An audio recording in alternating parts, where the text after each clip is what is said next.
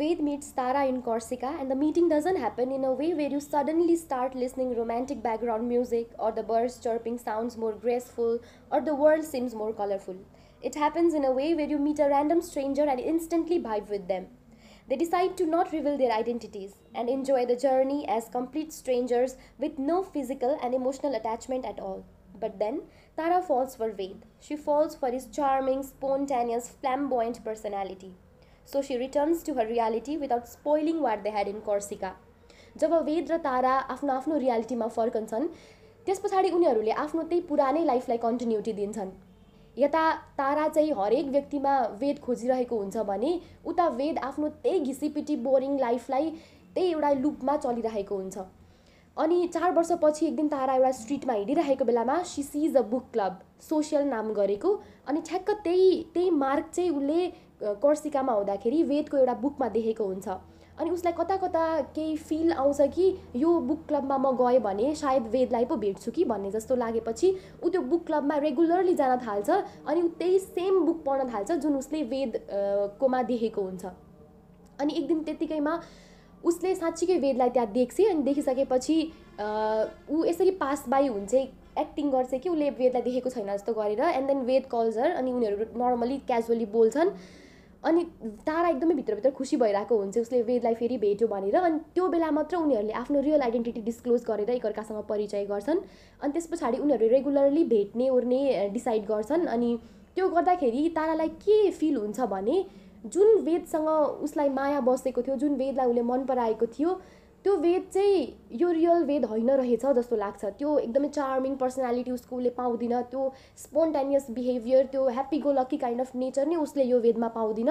उसलाई चाहिँ यो वेद एकदमै अखडु एकदमै हुन्छ नि जिद्दी अथवा एकदमै स्याडिस्ट जस्तो लाग्छ। अनि त्यो लागिसकेपछि त्यसरी तर पनि उसले कन्टिन्युटी दिइरहेको हुन्छ। ऊ यही एक्सपेक्टेसनमा उसले रिलेसनसिपलाई अगाडि बढाइरहेको हुन्छ कि कुनै न कुनै बेला will break into his own character उसको रियल पर्सनालिटीमा ऊ फेरि जान्छ भन्ने चाहिँ उसलाई लागेको हुन्छ। अनि त्यतिकैमा वेदले चाहिँ एक दिन के गर्छ भन्दा तारालाई उसको बर्थडेको दिन प्रपोज गर्ने डिसाइड गरेको हुन्छ अनि नभन्दै उसले सबै साथीहरूलाई इन्भाइट गरेर त्यो पार्टीको बेलामा प्रपोज गर्छ। But then Tara declines the proposal publicly नै। अनि त्यो उसले के भन्छ भने म जुन वेदलाई माया गर्थेँ तर त्यो वेद होइनस् आई डोन्ट लभ यु भनेर भने भनिसकेपछि उसको त्यो स्टेटमेन्टले वेदलाई अति धेरै हर्ट हुन्छ अनि ऊ आफ्नो ऊ एउटा अटोमा फर्किँदै गरेको हुन्छ घर त्यो प्रपोजल डिक्लाइन भइसकेपछि एन्ड देन त्यो जो अटो चलाइरहेको रिक्सावाला हुन्छ उसले गीत गाइरहेको हुन्छ। And then when he talks to him उसलाई यो कुरा थाहा हुन्छ कि त्यो रिक्सावालालाई चाहिँ सिङ्गर बन्न मन लागेको हुन्छ बट देन लाइफले उसलाई त्यो उसको प्यासन उसको ड्रिम फलो गर्न दिएको हुँदैन भनेर। And that becomes the point where वेदलाई nervous breakdown हुन्छ। उसलाई त्यो आफ्नो लाइफ ओभरअल एकैचोटि फ्ल्यासब्याक भएर आउँछ अनि उसलाई यति धेरै नराम्रो फिल हुन्छ। ऊ कस्तो लाइफ बाँचिरहेको छु भन्ने उसलाई बल्ल त्यति बेला रियलाइजेसन हुन्छ अनि उसले आफ्नो त्यो लुपमा चलिरहेको लाइफ सम्झन्छ बिहान उठ्यो ब्रस गर्यो अनि लुगा लायो अफिसको अनि अफिस गयो। अफिस जाँदाखेरि बाटोमा त्यही ट्राफिक जाम त्यही एउटा ट्रान्सजेन्डरले उसलाई पैसा मागेको अनि उसले त्यही त्यही ट्रान्सजेन्डरलाई इग्नोर गरेको ऊ अफिस पुगेको उसको भेट त्यहीँको इम्प्लोयरसँग भएको उसले त्यही लन्च खाएको त्यसरी नै फर्केको। त्यो लाइफ उसलाई बल्ल त्यो त्यो मुमेन्टमा स्ट्राइक हुन्छ अनि उसलाई एक्जिस्टेन्सियल क्राइसिस आफूलाई भइरहेको छ भनेर त्यो बेला रियलाइजेसन हुन्छ। अनि त्यो रिलाइ रियलाइजेसन पछि ऊ झन् वियर्डली बिहेभ गर्न थाल्छ किनभने उसको त त्यो जुन भडास थियो त्यो एकदमै नराम्रो तरिकाले बाहिर आयो नि त। अनि उसले एक दिन मिटिङमा अथवा प्रेजेन्टेसन भइरहेको हुन्छ त्यो प्रेजेन्टेसनमा चाहिँ यस्तो वियर्डली बिहेभ गर्न थाल्छ कि उसलाई त्यो कारणले गर्दाखेरि अफिसबाट पनि निकालिदिन्छन्। बट देन त्यो उसको लागि नराम्रो पोइन्ट हुँदैन किनभने उसलाई चाहिएको हुन्छ। उसलाई उसलाई त्यो रिजेक्सन उसलाई त्यो निकालिदिएको निकालिदियोस् भन्ने हुन्छ। किनभने त्यस पछाडि उसलाई एउटा नयाँ तरिकाले आफ्नो लाइफ सुरु गर्न मन लागेको हुन्छ। And then returns to his hometown Shimla जहाँनिर उसले चाहिँ आफ्नो बाउ आमाको अगाडि सबै भन्छ उसले त्यो आफूलाई कस्तो भइरहेको उसलाई कसरी त्यो हुन मन थिएन उसले कसरी त्यो हुनु परेको छ भन्ने कुरा भनिसकेपछि उसलाई एक दिन आफ्नो त्यो चाइल्डहुडको एउटा पार्ट उसले फेरि सम्झिन्छ र त्यो पार्टमा फेरि फर्कन चाहन्छ। त्यो चाहिँ के हुन्छ भन्दा सानोमा उसलाई एकदमै स्टोरी स्टोरी टेलिङ मनपर्ने हुन्छ अनि ऊ जहिले पनि पैसा भेला पारेर एकजना स्टोरी टेलरकोमा जाने हुन्छ। अनि त्यहाँ त्यो स्टोरी टेलरले चाहिँ उसलाई यति धेरै कहानीहरू मिक्सअप गरेर भनिदिएको हुन्छ कि उसको दिमागमा त्यो सबै क्यारेक्टर्सहरू एकदमै जम्बलप भएर बसेको हुन्छ अनि उसलाई त्यो सबै सुल्झाउनु पर्ने हुन्छ वेदलाई।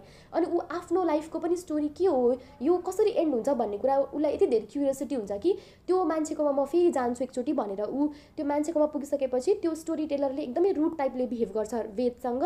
अनि हेभ यु गन नट्स तैँले आफ्नो लाइफको स्टोरी आफै कम्प्लिट गर्ने हो भनेर उसले त्यो रुडली भनिसकेपछि उसको त्यो स्टेटमेन्टले चाहिँ फेरि वेदलाई अर्को रियलाइजेसन के गराउँछ भन्दाखेरि उसको लाइफको स्टोरी भनेको उसले आफैले कम्प्लिट गर्ने हो। उसको आफ्नै वर्ड्स उसको आफ्नै पेन उसको आफ्नै नोटबुकमा लेखेर कम्प्लिट गर्नुपर्छ भनेर लागिसकेपछि चाहिँ he then turns into a different person उसले आफू एकदमै लिबरेट फिल गर्छ।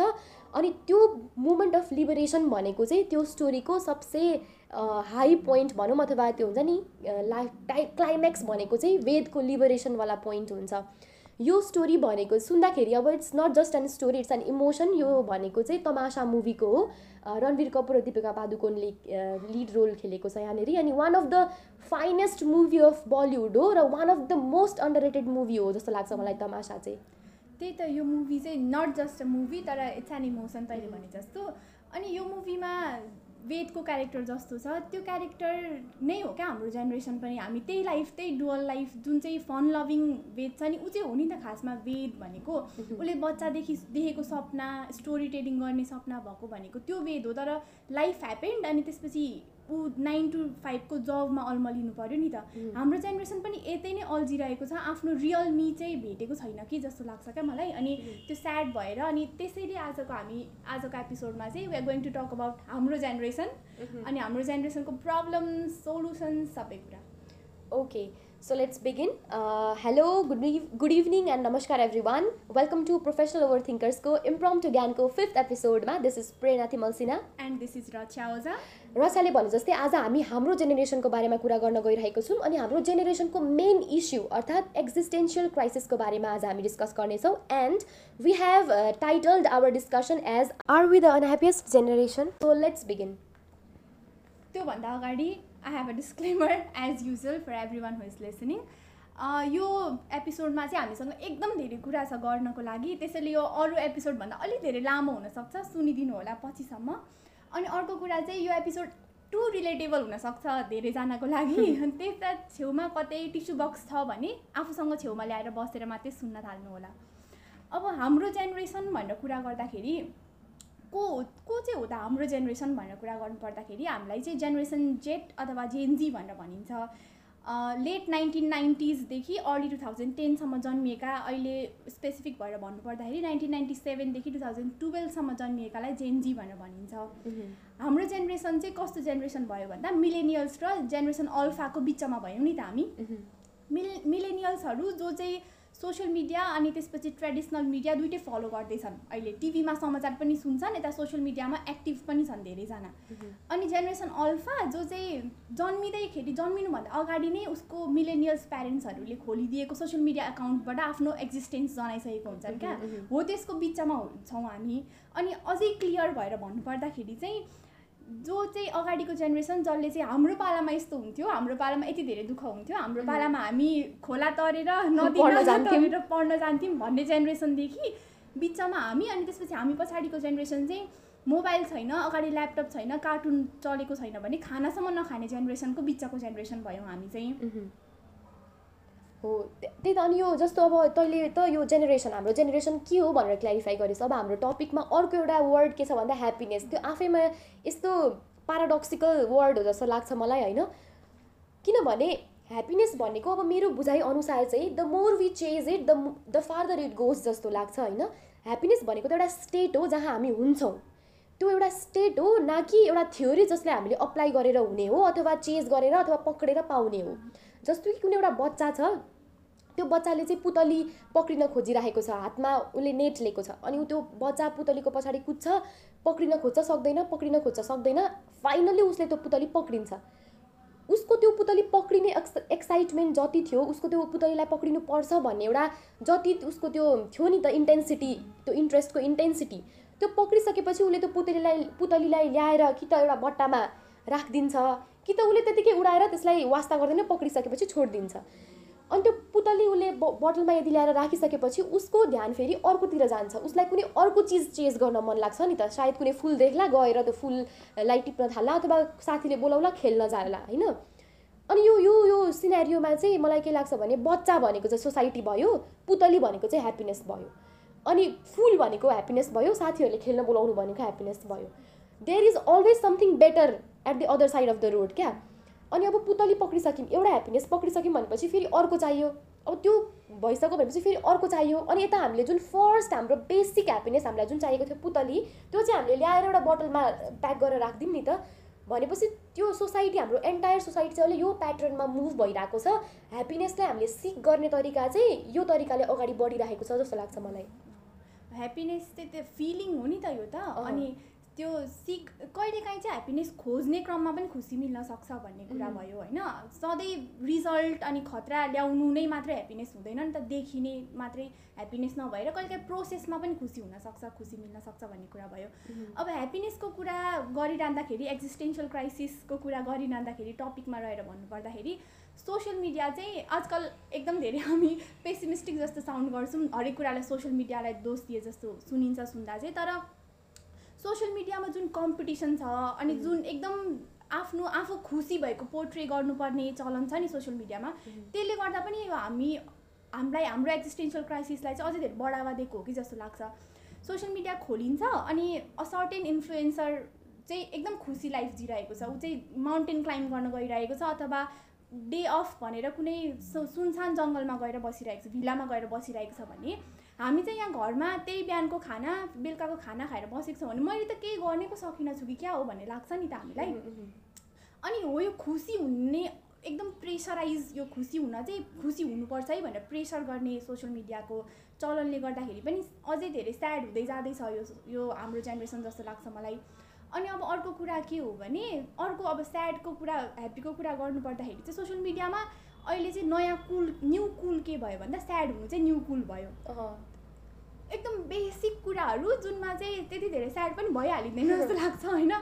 त्यो कुरा बेसिक कुराहरूमा पनि स्याड भएर देखाउँदाखेरि चाहिँ अब I'm the part of that group है त्यो स्याड ग्रुपको म पनि पार्ट हुँ भने जस्तो पाटो हुने कारणले गर्दाखेरि पनि मान्छेहरू चाहिँ स्याड पोर्ट्रे गर्ने स्याड मिम्सहरू सेयर गर्ने सोसियल मिडियामा छ। अनि सोसियल मिडियामा भएको कम्पिटिसन सोसियल मिडियामा हुने साइबर बुलिङको कुरा त छँदैछ त्यो त भइहाल्यो होइन? अनि अहिले अब अर्को सोसियल मिडियाले गलत चाहिँ के हो भने अनलाइन फ्रेन्ड्सहरू बनाइन्छ नि त भर्चुअल फ्रेन्ड्स बनाइन्छ। कसैलाई हामी आज तरमा यसरी भेटेर चिन्यौँ हामी बच्चामा र पो हामी यति नजिक छौँ त होइन? मेसेन्जरमा इन्स्टाग्राममा तैँले मलाई हाई भनेर मैले तँलाई हाई भनेर मेसेज पठाएर बोल्न थालेको भए हामी यति नजिक हुँदैन थियौँ जस्तो लाग्छ क्या मलाई। तर अहिले चाहिँ धेरै लन्ली भएर पनि होला मान्छेहरू अनि त्यसपछि साथी सर्कल कम हुने फ्यामिलीसँग कुरा गर्न नगर्ने धेरै वातावरण त्यस्तो भएर पनि होला अनि भर्चुअल फ्रेन्ड्सहरू धेरै बनाउने अनि त्यो फ्रेन्ड्सहरूको क्यारेक्टरिस्टिक्स बानी व्यवहार नथाहा हुने सुरुमा अनि पछि ओभर सेयर गरिसकेपछि उनीहरूसँग अथवा आफ्नो कुनै डार्क सिक्रेट्सहरू उनीहरूसँग सेयर गरिसकेपछि चाहिँ पछि उनीहरूबाट हुन्छ नि ब्ल्याकमेल हुने अथवा रिग्रेट हुने प्रोभाबिलिटीहरू पनि एकदम धेरै बढेको छ अनि भलरेबल धेरै हुन्छ सोसियल मिडियामा हामी त्यो चाहिँ गलत त्यसले त्यसको चाहिँ फाइदा उठाउँदैछ सोसियल मिडियाले जस्तो पनि लाग्छ मलाई। जस्तो तैँले भनिस् नि त अब भलरेबल हुन्छ भनेर अनि त्यो सोसियल मिडियामा चाहिँ कुल हुने खालको ट्रेन्ड स्याड भयो भने कुल हुने खालको ट्रेन्ड छ भनेर त्यो चाहिँ किन पनि होला भने अब इन्सेक्योरिटिजहरू आफ्नो यति धेरै हुन्छ कि उनीहरूले कुनै न कुनै आउटलेट त्यसलाई दिनु पऱ्यो नि त देखाउने। म इन्सेक्योर छु है मलाई सिम्पेथी चाहिएको छ है भन्ने खालको एउटा उनीहरूले त्यो चाहिँ कल फर हेल्प हो जस्तो लाग्छ क्या मलाई त्यो मिमहरू पनि सबै। अनि इभन पर्सनल्ली भन्नुपर्दाखेरि पनि there have been many times जब मैले आफै पनि फोन चलाउँदा चलाउँदै फोन राख्छु अनि I stare at the wall or some somewhere I don't know where अनि being disappointed with myself or social media चलाइरहेको हुन्छ चलाइरहेको हुन्छ त इन्स्टाग्राम चलाइरहेको हुन्छ उता फेसबुक गइन्छ उता ट्विटर हेरिन्छ युट्युब हेरिन्छ अनि सडनली त्यो सबै सोसियल सोसियल मिडिया अफ गरेर चाहिँ आई जस्ट स्टे भ्याकेन्ट भएर अनि त्यो पनि विथ हेभी हर्ट अनि मैले बा मैले केही एकम्प्लिस गर्न सकेको छुइनँ कि अथवा मैले ट्राई गरेको त्यो ट्राई गर्ने तरिका रङ भइरहेको छ कि मेरो एनर्जी रङ डिरेक्सनतिर गइरहेको हो कि म किन गर्न नसकेको भन्ने खालको त्यो एउटा आफैमा डिसपोइन्टमेन्ट लिएर पनि कतिचोटि सोसियल मिडिया अफ गरेको आफै पर्सनल एक्सपिरियन्स त धेरैजनालाई होला होइन? अब सोसियल मिडिया सँगसँगै अर्को मलाई के लाग्यो भने नि यो अहिलेको एक्जिस्टेन्सियल क्राइसिसको मेन रिजन भनेको क्यापिटलिजम अब सुन्दाखेरि चाहिँ यो अब पोलिटिकल कुरा गर्न लागे जस्तो लाग्छ होला बट क्यापिटलिजम भन्ने बित्तिकै पोलिटिकल इस्यु मात्र नभएर it's a way of life किनभने क्यापिटलिजमले हाम्रो ओभरअल मोड अफ प्रोडक्सनदेखि हाम्रो लाइफस्टाइललाई पनि इम्प्याक्ट पारेको छ। क्यापिटलिजम बुझ्नुभन्दा अगाडि चाहिँ let's go to the origin of this all जहाँनिर चाहिँ हाम्रो सोसाइटीमा फाइभवटा मोड अफ प्रोडक्सन छ छ। अकर्डिङ टु काल मार्क्स अनि फिलोसफर्सहरू फर्स्टमा चाहिँ हाम्रो सोसाइटीमा इगालिटेरियन सोसाइटी थियो जसमा चाहिँ अब कम्युनल ओनरसिप हुन्थ्यो प्रपर्टीहरूमा प्राइभेट ओनरसिप हुँदैन थियो। सबैजना कम्युनिटीमा बस्थे हन्टिङ ग्यादरिङ गर्थ्यो अनि खाने लाउने भन्ने कुरा चाहिँ त्यो कम्युनिटीमा सबैले इक्वल्ली पायो भने पायो पाएन भने पाएन भन्ने खालको हुन्थ्यो। त्यस पछाडि स्लेभरी सिस्टम आयो। त्यस पछाडि फ्युडल लर्डहरू हुने सिस्टम आयो जहाँनिर चाहिँ लोकल अथोरिटिजहरूको पावर बढी हुने अनि लोकल अथोरिटिजले चाहिँ अब आफ्नो घरमा अरूलाई खेताला कामदारको रूपमा राख्ने आयो। त्यस पछाडि आयो क्यापिटलाइ क्यापिटलिजम होइन।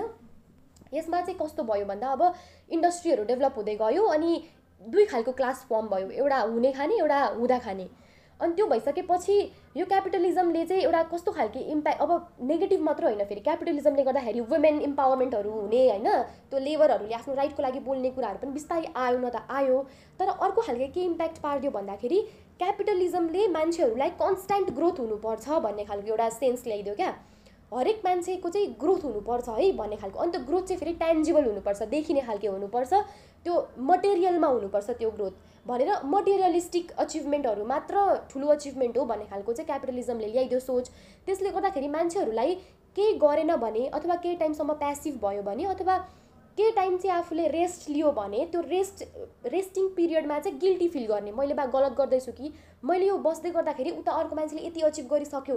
म त आई सुड पम्प अप भन्ने खालको आई सुड डु समथिङ भन्ने खालको I should grow every day भन्ने खालको एउटा गिल्टी फिल हुन थाल्यो क्या मान्छेहरूलाई होइन? अनि त्यो मटेरियलिस्टिक कन्ज्युमरिजम भन्ने कुरा त झन् छुट्टै पाटो छ होइन? त्यो ब्रान्डहरू ब्रान्डेड सामानहरू युज गर्ने मान्छे चाहिँ अब खतरा हुने भयो धनी हुने भयो राम्रो हुने भयो भन्ने खालको त्यो त्यो फेरि छुट्टै पाटो छ। अनि अर्को कुरा चाहिँ क्यापिटलिजमले के ल्यायो भन्दा पैसा हुने अब मान्छेहरूले त आफूले सके जति जसको शक्ति उसको भक्ति हुने भयो नि त क्यापिटलिजममा त्यो भएकोले गर्दाखेरि चाहिँ मान्छेहरू सबैजना कमाउनतिर लागे।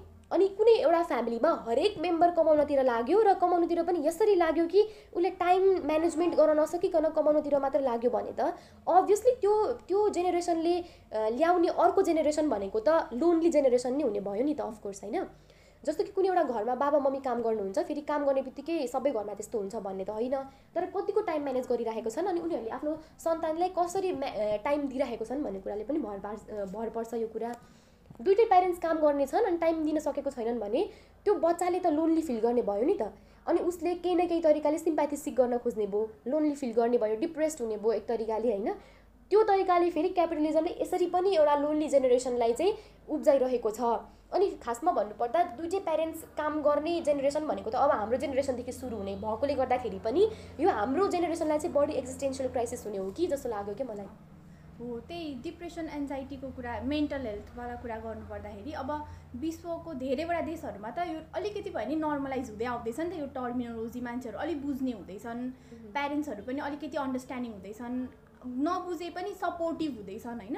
हाम्रो देशमा चाहिँ मेन्टल हेल्थ भन्ने कुरा नै बुझिसकेको छैन। हाम्रो जेनेरेसनले पनि बुझिसकेको छैन जस्तो लाग्छ। जस्तै केही कुरा हुँदा म आत्तिएँ भने म एङ्सियस हुँदैछु है। मैले एकछिन रेस्ट लिनुपर्छ मलाई प्यानिक एट्याक आउँछ कि भन्ने हामीलाई छैन क्या। त्यो टर्मिनोलोजीहरूले जानेको छैन। म आत्तिँदैछु मलाई पेटमा गुरुरु भयो भन्ने चाहिँ हुन्छ। तर यो भनेको यो हो भन्ने नजानिन्जेलसम्म त त्यसको लागि हामी फेरि त्यसको पछि गर्नुपर्ने के गर्नुपर्छ त्यसको लागि भनेर सिक गर्दैनौँ नि त। अनि अब फ्यामिलीमा खुलेर कुराहरू गर्न नसकिने कुराहरू भयो। मान्छेहरू अहिले चाहिँ कन्फेसन्सहरू गर्ने सोसियल मिडियाहरूमा कन्फेसन्सहरू गर्ने कुराले चाहिँ त्यहाँ चाहिँ लेखिने त्यहाँ चाहिँ सबै मलाई यस्तो भएको छ यस्तो भएको छ भनेर म सुत्न सक्दिनँ इन्सोमिया छ भनेर लेख्न सक्ने। तर घरमा जोसँग चाहिँ twenty twelve hours a day spend गरिन्छ उहाँसँग चाहिँ कुरा गर्न नसक्ने इन्भाइरोमेन्टहरू बन्दैछ नि त हाम्रो लागि। अनि अब मेन्टल हेल्थको कुरा निकाल्यो अनि थेरापी लिनुपर्छ कि क्या हो? मैले भन्यो भने चाहिँ हाम्रोमा चाहिँ एउटा मात्रै शब्द लागिन्छ डिप्रेसन भन्ने शब्द युज गरिन्छ। केही अलिकति मान्छेले अर्को के हो भने म एलोन टाइम एकछिन स्पेन्ड गर्न चाहन्छु मलाई एकछिन कसैले नबोलाइदिनु ल मलाई केही भयो भन्यो भने चाहिँ लाइफ डिप्रेसनमा गयो कि भन्ने अनि एक्लै त डिप्रेसन त स्टिल अझै फ्यान्सी वर्ड अलिकति भयो होइन? अझ मेन्टल यो त मेन्टल पो हुन्छ कि क्या हो भन्ने हो यस्तो ट्रेन्डहरू छ क्या अब अनि त्यस्तो ट्रेन्ड भएपछि जज कसैले गर्छ भने सेयर गर्न सक्दैन नि त अभियसली अनि अब हाम्रो जेनेरेसनले पनि बुझ्नुपर्ने कुराहरू भयो यो मेन्टल हेल्थ भनेको सबसे धेरै प्रायोरिटीमा राख्नुपर्ने कुराहरू भयो। अनि हामीले एकदम धेरै नेग्लेक्ट गरिरहेछौँ यो कुराहरूलाई जस्तो लाग्छ क्या। अब साथीहरू नै कोही कोही दुःख छ कसैलाई केही प्रब्लम्स पऱ्यो अनि त्यसपछि म एक दुई दिन सोसियल मिडियाबाट बाहिर जान्छु अथवा म एक दुई दिन हराउँछु ल म एक दुई दिन चाहिँ म एलोन टाइम चाहिन्छ मलाई भन्यो भने चाहिँ ला यसले केही गर्ने पो हो कि भने घुमिफिरी चाहिँ किन कुरा हरेक कुरा गर्ने केले केही गर्छ कि मात्रै मान आउँछ भन्ने कुरा हो क्या। अलोन टाइम स्पेन्ड गर्दाखेरि तिमीलाई कहिले काहीँ स्याड गीत सुन्दाखेरि पनि खुसी मिल्न त्यो प्रोसेस गर्न सकिन्छ नि त थट्सहरू भन्ने कुराहरू भयो। अनि त्यही भएर नर्मलाइज गर्नु गर्नतिर चाहिँ लाग्नुपर्छ होला हामी भन्ने लाग्छ मलाई। जस्तो अब नर्मलाइज गर्ने मेन्टल हेल्थ इस्युलाई त भइहाल्यो थेरापिजहरूलाई नर्मलाइज गर्ने कुरा त भइहाल्यो होइन। अनि यो यो लेभलसम्म पुग्ने नै कसरी भन्ने कुरा पनि हो फेरि होइन। जस्तो कि पहिला पहिला अब मान्छेहरूलाई खाना लाउनको नै अभाव हुन्थ्यो अझै ठुल्ठुलो प्रब्लमहरू थियो जस्तो कि बेसिक सर्भाइभलको लागि फाइट गर्नुपर्ने थियो। अब मान्छेहरू त सर्भाइभलभन्दा अलिकति माथि उठेर अरू अरू क्राइसिसहरूतिर जाँदैछ जसमा पर्छ एक्जिस्टेन्सियल क्राइसिस मान्छेलाई लाउन खाना सबै पुगिसक्यो आफ्नो निड्स डिमान्ड्सहरू सबै पुगिसक्यो भनेपछि अब के बाँकी रह्यो भन्दाखेरि एक्जिस्टेन्समा क्वेसन गर्ने। कसरी भन्दा अब मान्छेको अहिले के छ भने हरेक मान्छेको ड्रिम प्यासनहरू हुन्छ नि त। फेरि सोसियल मिडियाले गर्दाखेरि त कसको के छ ड्रिम कसको प्यासन के रहेछ कसको हुन्छ नि क्यापेबिलिटिज कति रहेछ भन्ने कुरा थाहा भयो नि त। त्यो भइसकेपछि हरेक मान्छेमा चाहिँ ड्रिम्स हुनुपर्छ प्यासन हुनुपर्छ भनेर एउटा म्यान्डेटरी फ्याक्टर जस्तो भयो। अनि त्यो भएकोले गर्दाखेरि यदि कसैले त्यो फिगर आउट गर्न सकेको छैन भने अब त्यहाँनिर आयो existential crisis what am I living for why was I even born भन्ने खालको क्वेसन आउन थाल्यो क्या। मेरो एक्जिस्टेन्सको पर्पज के हो? यदि म यो संसारमा आएको भने मैले केही न केही पर्पज सर्भ गर्नुपर्छ। त्यो मैले सर्भ गर्ने पर्पज भनेको के हो भनेर त्यो क्वेसनले मान्छेलाई यति धेरै खाने भयो कि होइन? यो यो चिन्ताले चितासम्म पुर्याउँछ भनेको चाहिँ अनि ठ्याक्क मिल्ने भयो क्या यो एक्जिस्टेन्सियल क्राइसिसमै अनि मान्छेले त्यो ड्रिम जस्तो अब कोही मान्छेले केही ड्रिम्स देखिहाल्यो अथवा उसको केही इन्ट्रेस्ट छ हबिज छ जस्तो कि पोइट्री भनौँ अथवा म्युजिक भनौँ भने यो अहिलेको हाम्रो जेनेरेसनमा चाहिँ त्यो हबिज इन्ट्रेस्टहरूले चाहिँ पैसा दिनुपर्छ हामीलाई। It should it should yield some profit भन्ने खालको पनि एउटा मेन्टालिटी भयो क्या। ड्रिम्स हाम्रो जे पनि अब ड्रिम्सले इन्ट्रेस्टहरूले अनि मलाई त्यो अहिले लास्ट टाइम कस्तो हुन्छ भने कसैले यदि राम्रो कविता लेख्छ भने अथवा कसैले केही राम्रो गीत गाउँछ भने अटोमेटिकली त्यो मान्छेलाई के सजेस्ट गरिन्छ भने तिमी त युट्युबमा हाल न त युट्युबमा हाल्यो भने मान्छेले कति पैसा कमाउँछ युट्युबबाट अहिले भनेर। आफ्नो हबिजहरूलाई मोनिटाइज गर्नुपर्छ भन्ने खालको एउटा कन्सेप्ट आयो क्या मान्छेहरूमा। त्यो भएकोले गर्दाखेरि चाहिँ आजकल मान मलाई लाग्छ मान्छेहरू आफ्नो लागि आफ्नो खुसीको लागि सेटिस्फ्याक्सनको लागि गीत गाउन पोइट्री लेख्न पनि छोडिसक्यो होला क्या। उनीहरूले पोइट्रीमा पैसा देख्न थालिसके क्या होइन? त्यो भएकोले गर्दाखेरि पनि एक्जिस्टेन्सियल क्राइसिस चाहिँ मान्छेलाई आउँछ। किनभने सबैले कविता लेखेर पाल्न त सक्दैनन् आफ्नो लाइफ आफ्नो फ्यामिलीको लाइफ सबैले गीत गाएर त अभियसली सस्टेन हुँदैन नि त लाइफ त्यो भएकोले गर्दा अब कसैले सकिरहेको छ आफूले सकेको छुइनँ अब फेरि आफ्नो ड्रिम्समाथि क्वेसन गर्नुपर्ने भयो। त्यो भएकोले गर्दाखेरि चाहिँ अहिलेको मेन एक्जिस्टेन्सियल क्राइसिस चाहिँ यही ड्रिम्स पर्पजहरू के हो भनेर फिगर आउट गर्न टाइम लाग्ने फिगर आउट गरिसकेपछि त्यसले आफूले सोचे जस्तो प्रफिट दिन्छ दिँदैन भन्ने कुरामा अनि त्यो दिएन भने त्यसको छुट्टै छ प्रब्लम त्यो हरेक कुरामा चाहिँ काहीँ न काहीँ एक्जिस्टेन्सियल क्वेसन्सहरू लुकेको हुन्छ जस्तो लाग्यो मलाई। जस्तै अब तैँले भनिस् नि पोइम गरले रिसाइड गरेर अनि युट्युबमा हाल्ने कुरा भयो। तँलाई एउटा पोइम एकदमै मन परेको छ। आफ्नो मेरो यो पर्सनल बेस्ट हो जस्तो लाग्छ नि त केही कुरा आफूले गरेको होइन? बेस्ट हो जस्तो लाग्यो अनि पोस्ट गरियो। गरेपछि त्यसमा तैँले सोचेको जति फिडब्याक आएन राम्रो फिडब्याक आएन अथवा मान्छेले त्यति मान्छेले हेरिदिएनन् सुनिदिएनन् भने हो त्यहाँ क्वेसन आउँछ क्या? हो त्यहाँनिर आउने हो नि त। मैले मैले सोचेको राम्रो त राम्रो रहेन रहेछ कि क्या हो भने भ्यालिडेसन चाहिँ हामी त्यसरी सिक गर्दैछौँ नि त। अनि मेरो लागि राम्रो लाग्यो भने ठिकै छ त मान्छेले सुनिदिएन भने के छ र मेरो बेस्ट हो नि भनेर सोच्नु भन्दा पनि अब चाहिँ हामी आफूमा क्वेसन ला मेरो बेस्ट नै यति नराम्रो छ भने म के गर्दैछु त भन्ने क्वेसन उठाइन्छ भन्ने कुरा भयो क्या। अनि जस्तो अब विभिन्न रिसर्चहरू पनि भएको छ तर एउटा दुःखको कुरा के हो भन्दाखेरि त्यो नेपालमा चाहिँ एकदमै कम भएको रहेछ यो एक्जिस्टेन्सियल क्राइसिस अथवा मेन्टल हेल्थ इस्युजहरूलाई लिएर रिसर्चहरू अनि एउटा चाहिँ युएसमा भएको टु थाउजन्ड सेभेन्टिनमा नेस नेसन इन्स्टिट्युट अफ मेन्टल हेल्थले गरेको एउटा रिसर्चले चाहिँ के पत्ता लगाएको रहेछ भन्दा दस वर्षदेखि सैँतिस वर्षसम्मको मान्छेहरू चाहिँ मर्नुको कारण चाहिँ सेकेन्ड लिडिङ कज भनेको सुसाइड रहेछ। भनेपछि टेनदेखि थर्टी सेभेन इयर्स भनेको कस्तो प्रोडक्टिभ एज हो नि त होइन? अनि मेन त अहिले जेनेरेसन जेट हामीले भने जस्तोको लगभग अहिलेको एज भनेको त्यही मान्छेहरूको होला होइन?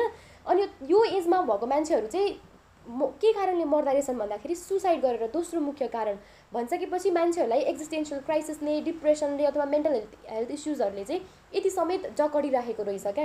यस्तो रहेछ सिनारियो चाहिँ। अब मेन्टल हेल्थको कुरा गर्नुपर्दा अरू रिसर्चहरूको कुरा गर्नुपर्दाखेरि टु थाउजन्ड ट्वेन्टीमा भर्खर गरिएको एउटा एनालाइसिसमा चाहिँ के भेटिएको छ भने जेन जेएनजीमा सबसे धेरै भेटिने पाइने साइकाट्रिक डिसअर्डरमा चाहिँ एडिएसडी अनि एन्जाइटी डिसअर्डर अनि डिप्रेसनहरू पर्छ।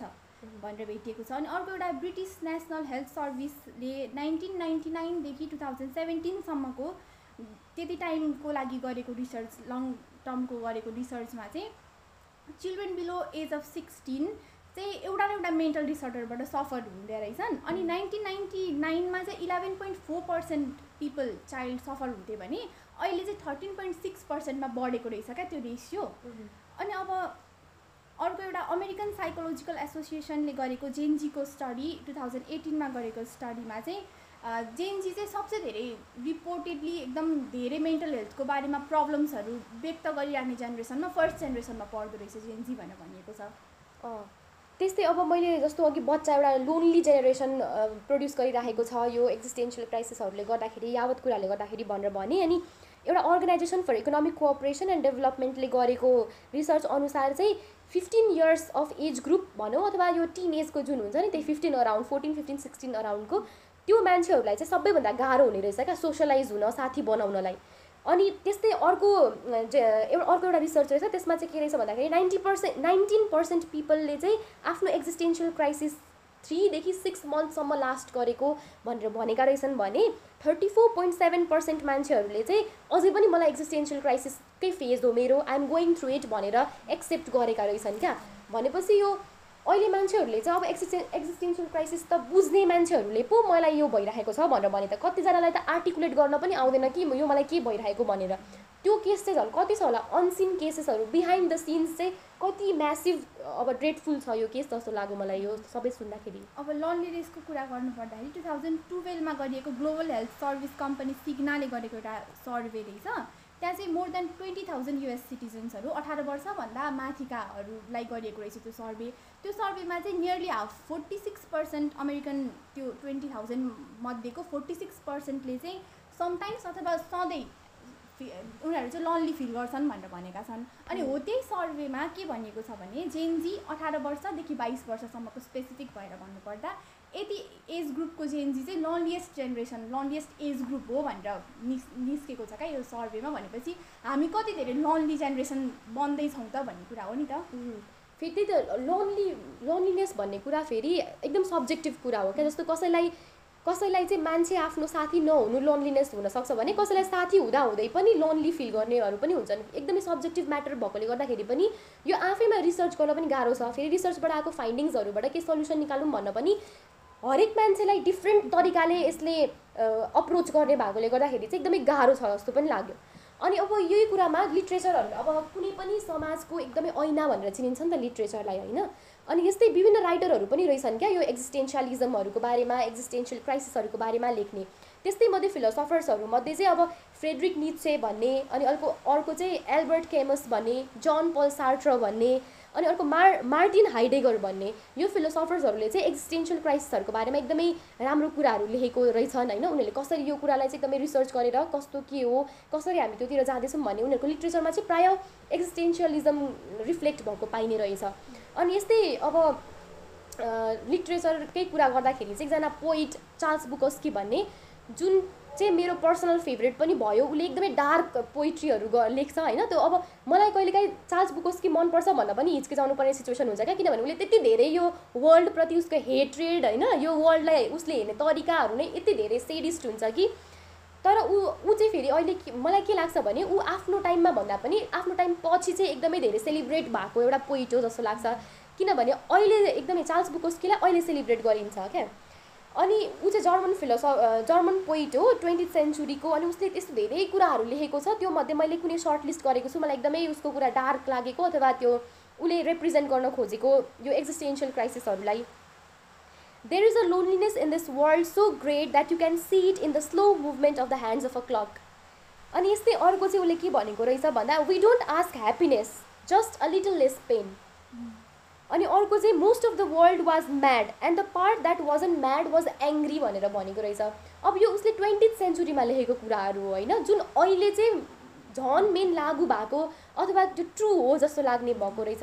त्यही भएर पनि यो चार्ल्स बुकोस्कीलाई चाहिँ अहिले सेलिब्रेट भएको जस्तो लाग्छ। अनि अब इन्स्टाग्राम फेसबुक पेजहरूमा पनि कति अहिले के ट्रेन्ड आएको रहेछ भन्दा यस्तो डार्क पोइट्रीहरूलाई सेलिब्रेट गरेर पेजहरू खोल्ने क्या। सिनिसिजमलाई एसर्डिजमलाई निहिलिजम भनेर चाहिँ विभिन्न तरिकाले यो पेजहरू खोल्ने अनि यस्तो डार्क पोइट्रिजहरू सेलिब्रेट गर्ने। अनि मैले त्यसको फलोवर्सहरू हेरेँ होइन? अब मेलान कोलीलाई पनि सेलिब्रेट गर्ने यति धेरै मान्छे रहेछन् अहिलेको जेनेरेसनमा भनेर देख्दाखेरि चाहिँ म एकदम surprise suck at the same time भनेर भएँ। हो अब स्याड हुने कुरा चाहिँ अहिले आएर के भयो भने रिलेटेबल भयो नि त। मान्छेहरूलाई धेरै रिलेट आफूले धेरै रिलेट जति जे कुरा रिलेट गर्न सक्यो त्यही कुरालाई त धेरै सेयर गर्ने फलो गर्ने हुन्छ नि त। यही रिलेटेबल कुरा गर्दाखेरि एउटा सिरिज छ बोज्याक हर्सम्यान भनेर। ऊ चाहिँ एउटा एनिमेटेड सिरिज हो। ऊ चाहिँ हाफ ह्युमन हाफ हर्स हुन्छ। अनि उसले आफ्नो अर्ली एजमा चाहिँ के गरेको हुन्छ भने एकदमै चलेको सिरिज खेलेको हुन्छ क्या सो खेलेको हुन्छ। त्यसमा चाहिँ उसले तिनजना अर्फेन्सहरूलाई पालेको हुन्छ। अनि फनी हुन्छ। अन द सेट मान्छेहरू हाँसेर ऊ गरेर रमाइलो सिरिजको रूपमा उसको चाहिँ त्यो बेस्ट पर्फर्मेन्सको रूपमा दिएको हुन्छ त्यति बेला।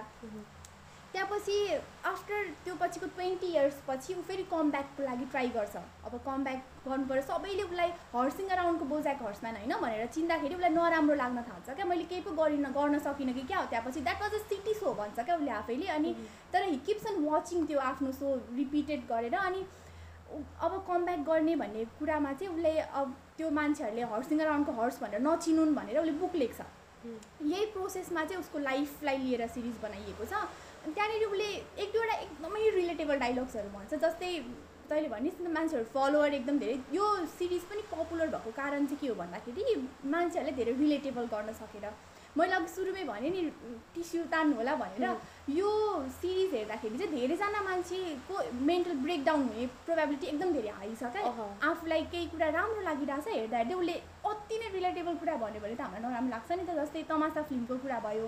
त्यो पनि रिलेटेबल भएर त हामीलाई मन परेको मुभी हो नि त। अनि त्यसैमा बोजाक हर्सम्यानले भनेको एक दुईवटा म डाइलग्सहरू भन्छु यहाँनिर। I am responsible for my unhappiness I am not even responsible for my own breakfast भनेर भन्छ क्या। अनि अर्को चाहिँ के छ भन्दा I spend a lot of time with the real me and nobody is going to like that guy भन्छ अनि अर्को एउटा चाहिँ मलाई मन परेको के छ भने I need you to tell me I'm a good person भनेर भन्छ। हामी जसरी सिक गर्छौँ नि एटेन्सन यो अघिको भ्यालिडेसनको कुरा भयो उसले एकदम राम्ररी सिम्पल फनी सिरिजको रूपमा तर अति धेरै रिलेटेबल बनाएर देखाएको छ क्या डाइलग्सहरूको थ्रु अनि उसको ऊ एकदमै सेल्फ लोडमा बसिरहेको ड्रङ्कन भएर बस्ने अनि टेन्सन सधैँ दुःखी भइराख्ने। अरूले ह्याप्पी हुन तसँग यत्रो घर छ बङ्गला छ गाडी छ किन त यति धेरै दुःखी भएको भन्दाखेरि उसको भित्र चाहिँ ऊ एकदम दुःखी भएको। हाम्रो जेनेरेसन त्यस्तै छ नि त अहिले। अनि यो जेनेरेसनलाई चाहिँ त्यो सिरिजले एकदम राम्ररी एक्सप्लेन गरेको छ जस्तो लाग्छ क्या मलाई। अनि त्यही त अहिले अहिले आएर यस्तो खालके सिरिजहरू यस्तो खालके कार्टुनहरू यस्तो खालके लिट्रेचरहरू पपुलर हुनुको रिजन चाहिँ के होला भन्दाखेरि मान्छेहरूले रिलेट गरेर हो नि त। अहिले मान्छेहरूलाई त्यो टिपिकल स्टिरियोटिपिकल अब रोमान्टिक मुभीहरू रमकम भन्दा पनि प्रायः मान्छेहरूलाई चाहिँ यस्तो डार्क खालके मुभिजहरू डार्क ह्युमरहरू मनपर्ने हुन थालिसक्यो क्या। स्याड खालके मुभीहरू चाहिँ उनीहरूले बढी इन्जोय गर्ने हुन थालिसक्यो भनेपछि हाम्रो जेनेरेसनले स्याडवाला पार्टलाई पनि कति सेलिब्रेट गरिरहेको छ भन्ने कुरा चाहिँ रिप्रेजेन्ट गर्छ यो लिट्रेचर मुभिजहरूले गर्दाखेरि। अब एकदम धेरै बोलीमा त हामी कन्क्लुड गर्नु पर्दाखेरि चाहिँ हाम्रो जेनेरेसन चाहिँ एकदम धेरै स्याड जेनेरेसन भएर ग्रो अप हुँदैछ। अनि हामीले माथि भनेका सबै प्रब्लम रिपिट नगरौँ आज होइन? सबै प्रब्लम्सहरू धेरै प्रब्लम प्रब्लमको कुराहरू गऱ्यौँ। अब हामीले कसरी चाहिँ हाम्रो स्याड जेनेरेसनलाई आफूले आफूबाटै म स्याड नहुनलाई के गर्नुपर्छ त भन्नेबाट सुरु गर्नु पऱ्यो नि त। World is not going to change for you आफूले आफ्नै लागि चेन्ज हुनु पऱ्यो। अनि त्यो मैले अगाडि सोसियल मिडियालाई एकदम नराम्रो भनेर देखाएको छु। अब सोसियल मिडियाको नराम्रो पाटाहरू मात्रै चाहिँ हुँदैनन् होइन? राम्रो पाटोहरू पनि एकदम धेरै छ अनि अहिले चाहिँ अहिले तत्काललाई चाहिँ सोसियल मिडियाहरू के भयो भने मान्छेहरूले नेपालमा कमै देखिएला तर इन्टरनेसनल सेलिब्रिटिजहरू इन्फ्लुएन्सर्सहरूले चाहिँ सोसियल मिडियामा आफ्नो त्यो ट्रु सेल्फ पनि देखाउन थाले क्या। फेलियर्सदेखि लिएर ब्लुपर्सको रूपमा कुनै कुनै एकजना मैले देखेको थिएँ उसले चाहिँ फेसन रिल्स गरिरहेको हुन्छ सुट गरिरहेको हुन्छ अनि त्यसपछि ब्लुपरमा उसले के देखाएको छ भने एक्कासी सुट गर्दा गर्दै उसको आँखाबाट आँसु झर्न थाल्छ क्या। अनि सी रोड यत्रो लामो क्याप्सन त्यहाँनिर I had a mental breakdown मैले त्यो सुट गरेर तपाईँहरूले हेर्नुभयो एकदम धेरै इन्जोय गर्नुभयो राम्रो भ्युज आयो तर I had a mental breakdown showing त्यो वेल फिल गर्दाखेरि।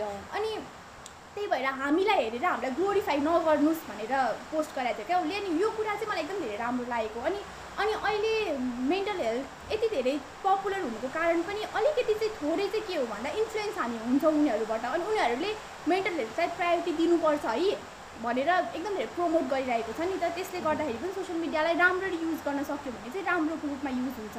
अनि मान्छेहरूले अहिले चाहिँ त्यो hashtag woke up like this अनि ह्यासट्याग नो फिल्टर जस्तो ट्रेन्डहरूलाई मान्न छोडेका छन् नि त अहिले आएर। अनि त्यो पनि राम्रो हो जस्तो लाग्छ क्या मलाई। त्यो मान्छेले बुझ्नु भनेको त यो त गलत हो भनेर बुझेर युज गर्न छोड्नु भनेको पनि राम्रो कुरा हो नि त। जस्तो तैँले भनिस् सोसियल मिडियाले त्यो त्यो इन्फ्लुएन्सर्सहरूले सोसियल मिडियालाई अहिले एक तरि एक जमाना थियो जब चाहिँ सोसियल इन्फ्लुएन्सरहरूले चाहिँ एकदमै ग्लिटर्स ग्ल्यामर्सहरू मात्रै देखाउने बाहिरको त्यो प्लास्टिक ब्युटी देखाएर इन्फ्लुएन्स गर्ने थियो भने अहिले चाहिँ के छ भन्दा त्यो plastic beau beauty versus reality देखाएर उनीहरूले इन्फ्लुएन्स गरिरहेको छ नि त्यो एउटा राम्रो ट्रेन्ड आइरहेको छ होइन? अनि जस्तो तैँले थेरापीलाई नर्मलाइज गर्नुपर्छ भन्ने भनिस् यो कुरा चाहिँ एकदमै सही हो जस्तो लाग्छ। किनभने पर्सनल्ली पनि तर आफूलाई पनि कतिचोटि के लागेको होला भन्दा केही केही कुराहरू अब हामीलाई लाग्छ कि हाम्रो क्लोज फ्रेन्ड भयो क्लोज मान्छे भयो भने चाहिँ हामी त्यो मान्छेलाई अझ बढी एक्सप्रेस गर्न सक्छौँ जस्तो लाग्छ but that is not true at some cases किनभने त्यो नजिकको मान्छेले आफूलाई यति धेरै चिनिसकेको हुन्छ आफ्नो आफूप्रति उसले एउटा पर्सेप्सन बनाएको हुन्छ नि त। अनि आफूले आफ्नो त्यस्तो डार्क साइडहरू भन्यो भने उसले आफूलाई जज गर्ने हो कि जस्तो डर लाग्दो रहेछ क्या। त्यही भएर कतिचोटि चाहिँ आफ्नो क्लोज मान्छे भन्दा एउटा थर्ड पर्सनलाई सबै कुरा भन्न चाहिँ झन् सजिलो हुने रहेछ। त्यही भएर नेपालमा चाहिँ यो थेरापीवाला सेसनहरू थेरापी भन्ने कुरालाई चाहिँ अझै बढी नर्मलाइज गर्नुपर्छ। किनभने हाम्रो धेरै नेपालीहरूको भित्र यति धेरै कुराहरू छ यति धेरै हिडन पर्सनालिटिजहरू छ जसलाई उनीहरू केही न केही आउटलेटबाट बाहिर निकाल्न खोजिरहेको छन् र सकिरहेको छैनन्। किनभने उनीहरूलाई जज हुन्छु भन्ने डर छ। त्यही भएर थेरापीलाई नर्मलाइज गर्नुपर्छ जस्तो चाहिँ मलाई लाग्यो अनि के पनि हो भने कहिलेकाहीँ केही एकदम धेरै लागेको कुरा चाहिँ ऱ्यान्ट गर्न पाइयो भने पनि रिलिफ हामीले यहाँ। पोडकास्टमा ऱ्यान्ट गर्छौँ नि केही। कुरा चित्त बुझ्दैन मनमा लागेका कुराहरू ऱ्यान्ट गर्न पायो भने पनि रिलिफ मिल्छ नि त अनि कोही थर्ड पर्सनसँग कोही थर्ड पर्सनसँग चाहिँ त्यही कुरा सेयर गर्न पाइयो अनि उसले जज गर्दैन भन्ने तैँले भने जस्तो लाग्यो भने चाहिँ ऱ्यान्ट गर्न सकिन्छ नि। सबै नराम्रो आफूले गलत गरेको छु भन्ने लाग्दाखेरि पनि भन्न सकिन्छ नि त।